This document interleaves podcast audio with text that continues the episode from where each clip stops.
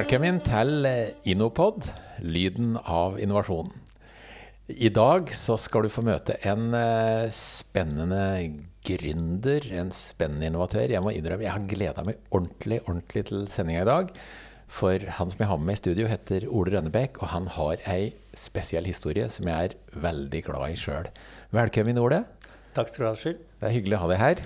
I like måte. Det er veldig artig å komme på pod. Og du er leder for Vandrehjemmet på Hamar. Ja. Daglig leder, eller vertskap kaller vi det, da, for det høres ut mer som der vi skal være. Ja, og eh, For noen år siden så gjorde du en litt spennende sak rundt billettsalget i, på, i Vikingskipet på Hamar. Kan du fortelle oss litt om det? Ja, vi eh, har jo overnatting vegg i vegg med Vikingskipet. Norges eh, største storstugge for skøyteløp. Og vi hadde en tett dialog med Vikingskipet og skøyteløpere og, og publikummere til skøyteløp. Og så at det var bare 400 publikummere på, en vanlig World Cup, eh, på et vanlig World Cup-stevne, og tenkte at dette må vi gjøre noe med. Og 400 eh, i hele hallen så er det plass til noe sånt som 10 000, hvis vi tar et røffelig tall? Ja. 9-10 000 når det er fullt. Så det var jo et stort potensial fra 400 til 10 000. Og det var vel det potensialet vi så etter hvert da, at det var mulig å gjøre noe med. For du driver jo hotellet som ligger nesten vegg i vegg med Vikingskipet, ikke sant? Ja.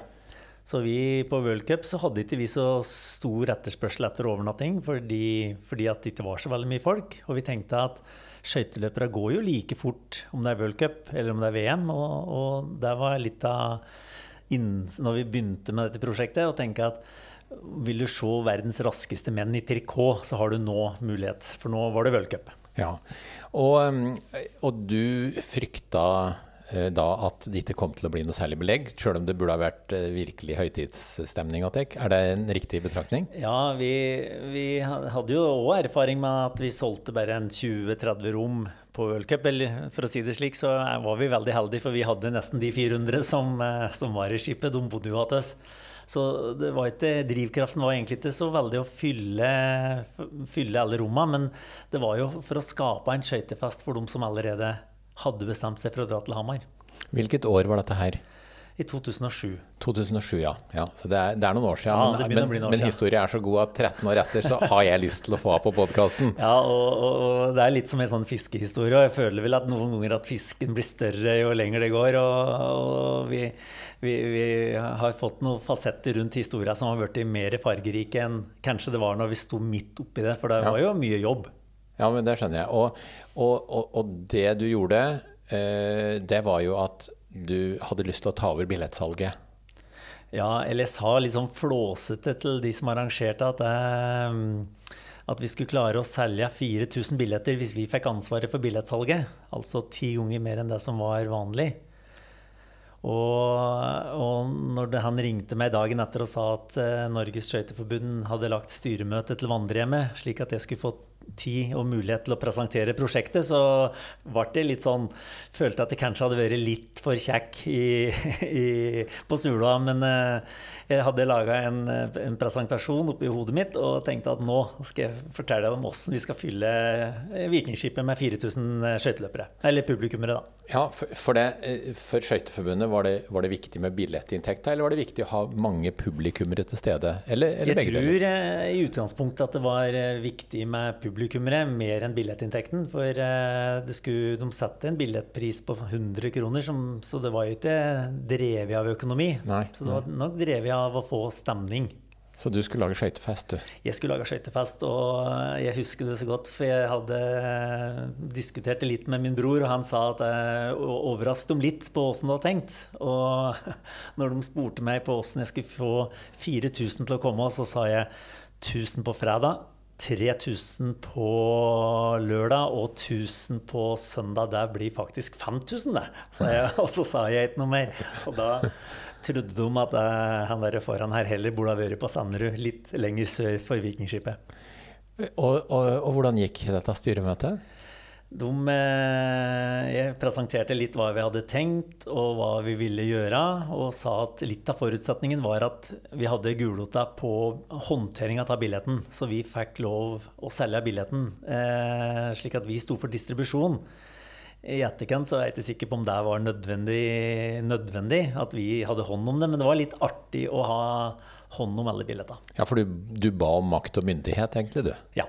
Vi spurte om å få ansvaret for å selge billetter, og, og når vi fikk søvi på det én dag, så tenkte vi ikke 4000 billetter lenger, men da tenkte vi at det var 30 000 som var taket. Ok, Så, så det ble det nye målet?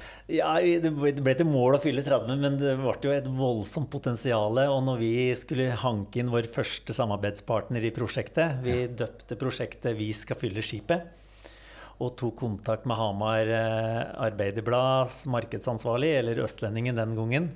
Og, og, vi spurte jo ikke om å få 4000 folk. Vi sa at vil dere være med og tjene penger? Og de lurte på ja, men hvor, hvordan skal vi klare å tjene penger på skøyteløp. Jo, vi skal selge 30 000 billetter. altså de skulle få en del av billettinntekten? Ja, vi lovde bort. Eh, vi ble enige om en splitt Eh, på det første møtet. Eller i første møte så skulle de tenke på hva de kunne tilby. Og vi trodde kanskje at Østlendingen skulle komme tilbake dagen etter og si at hva med å, at vi kan gå inn med fire-fem helsider for å hjelpe dere å markedsføre. Så vi satt spente, husker jeg, og han, eh, markedssjefen han, han, eh, kom og fortalte at vi har tenkt veldig, og vi tror det er potensialet på skøyteløp.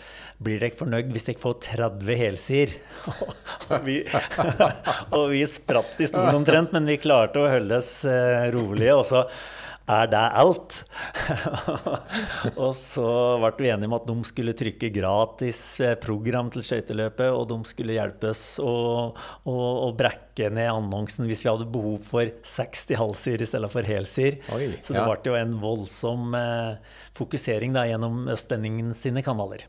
Men de helsidene, var det annonsehelsider, eller var det redaksjonell omtale? Eller, eller var, vi fikk 30 helsider som vi kunne distribuere litt som vi ville, og på hvilke dager vi ville.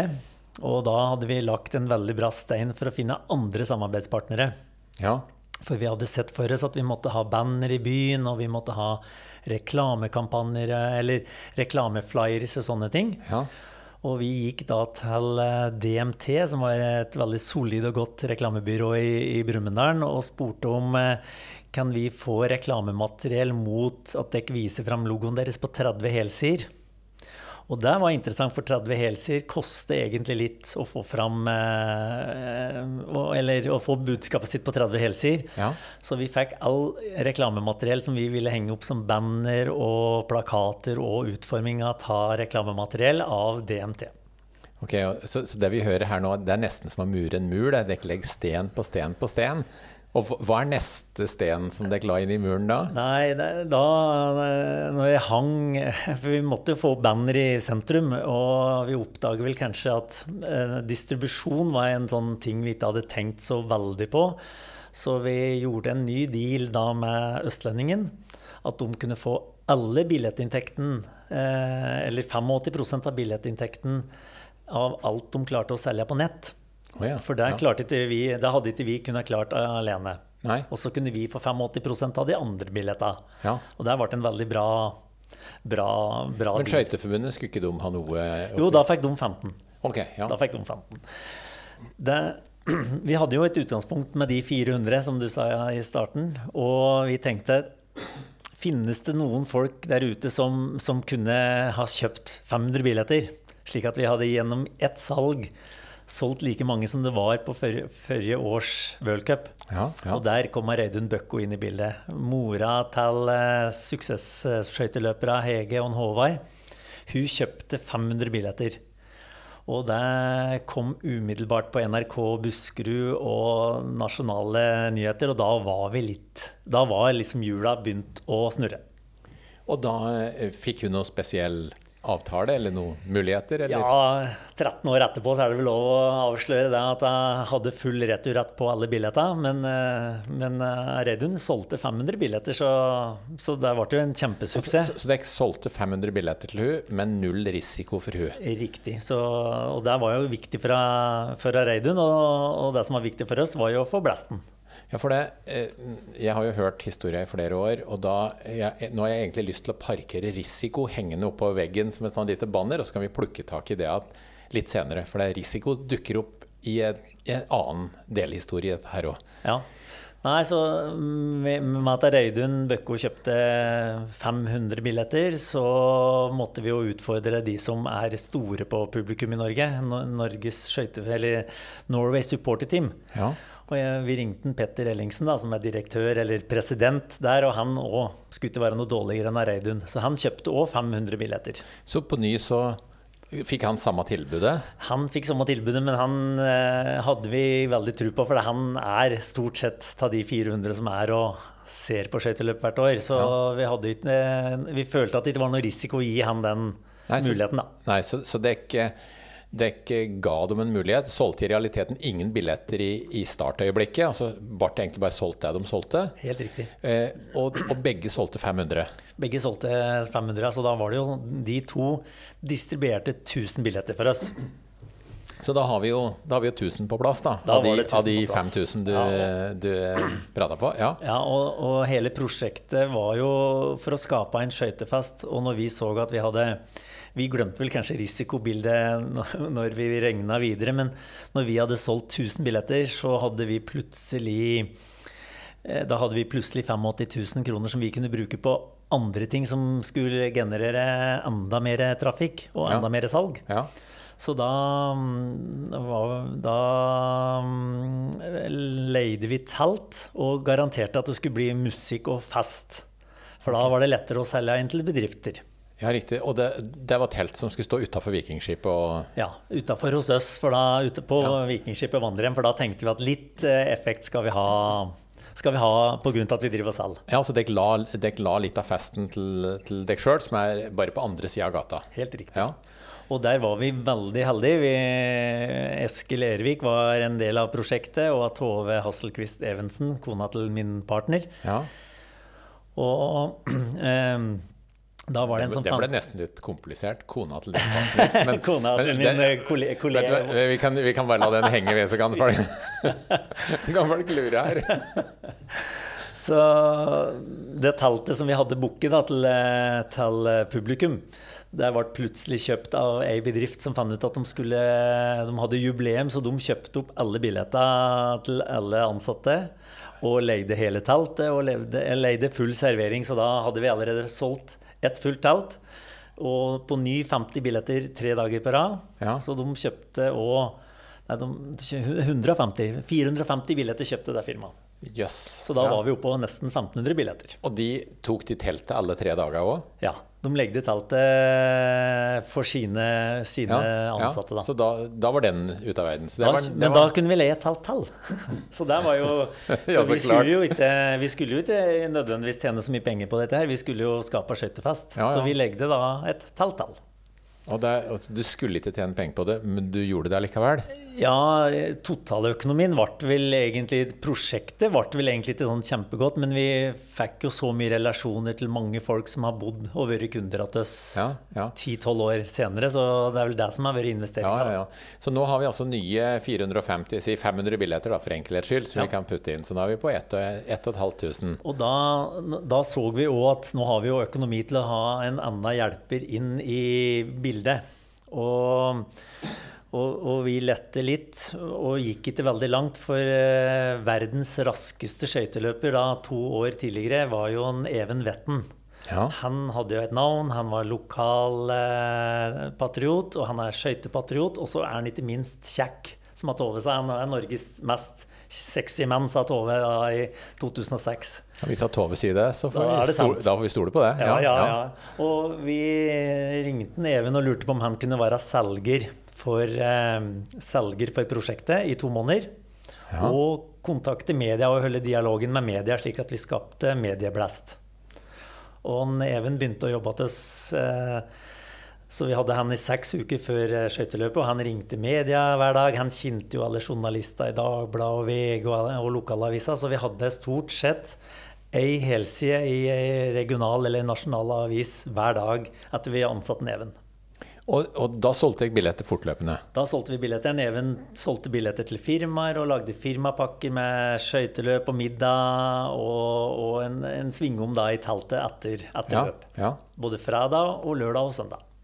Men jeg vet at, eh, at du eh, lova bil hvis det ble verdensrekord òg? Ja, da Jeg våknet tidlig en morgen her midt i dette prosjektet, og, og det hadde vært satt ny verdensrekord i, i USA, eller Canada. Den eh, finske Pekkola hadde fløyet på 1,07 på 1000 meter, som var en, en, en veldig sånn tydelig dato, eller 1,07. Og jeg fikk ikke det navnet ut ur hodet mitt. 107, 107. Og når jeg fikk sagt det kanskje 50-60 ganger, så slo det meg at Peugeot hadde en eh, bil som heter 107. Og jeg fant ut at de skulle gi bort en sånn en Peugeot da, til, eh, til eh, en som tok rekord. Ja, så hvis den rekorden på 107 ble slått, så ble det bil til Det var ideen. Så Ja. jeg dro rett opp til bilforhandleren på Hamar og sa at jeg vet ikke hva. Nei, det visste jeg ikke dum, da. Nei, dere skal gi bort en bil til den eh, verdens raskeste skøyteløper på Hamar.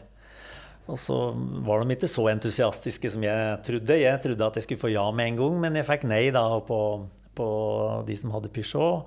Og jeg fikk nei til ja, egentlig alle bilforhandlere på Hamar, egentlig. For jeg klarte ikke å formidle godt nok budskapet mitt, da, vil jeg tro. Nei.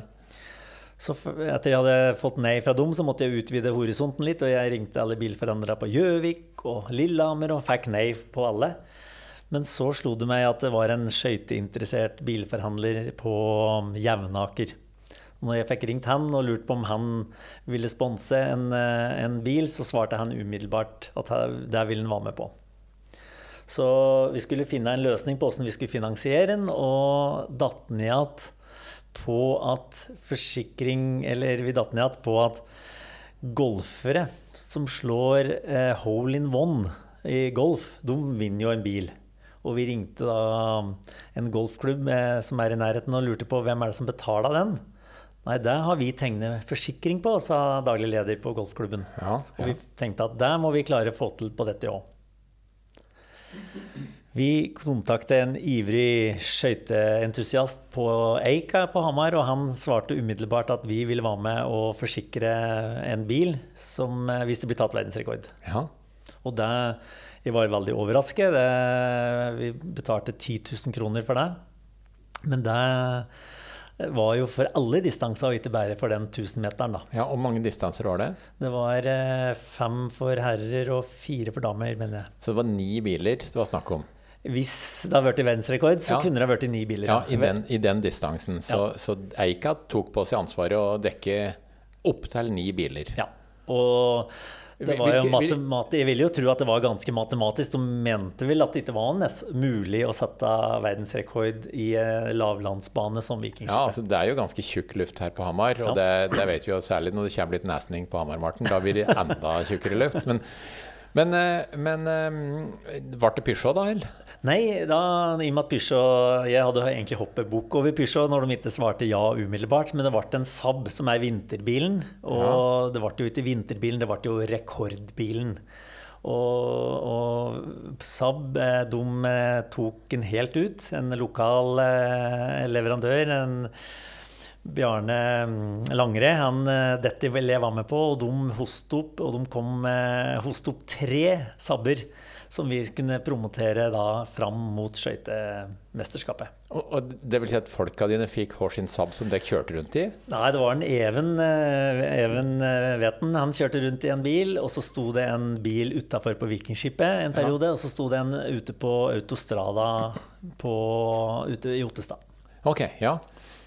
Og jeg har hørt fra folk som var på arrangement at de sto ute på isen eh, da, da skøyteløpet gikk. Det var veldig mye diskusjon, fordi det er faste sponsorer til World Cup. Og, og vi hadde jo veldig lyst til at, eh, i og med at vi har fått til en sånn gunstig avtale med, med både Eika forsikring og Saab Norge og Autostrada, at de skulle bli synlige.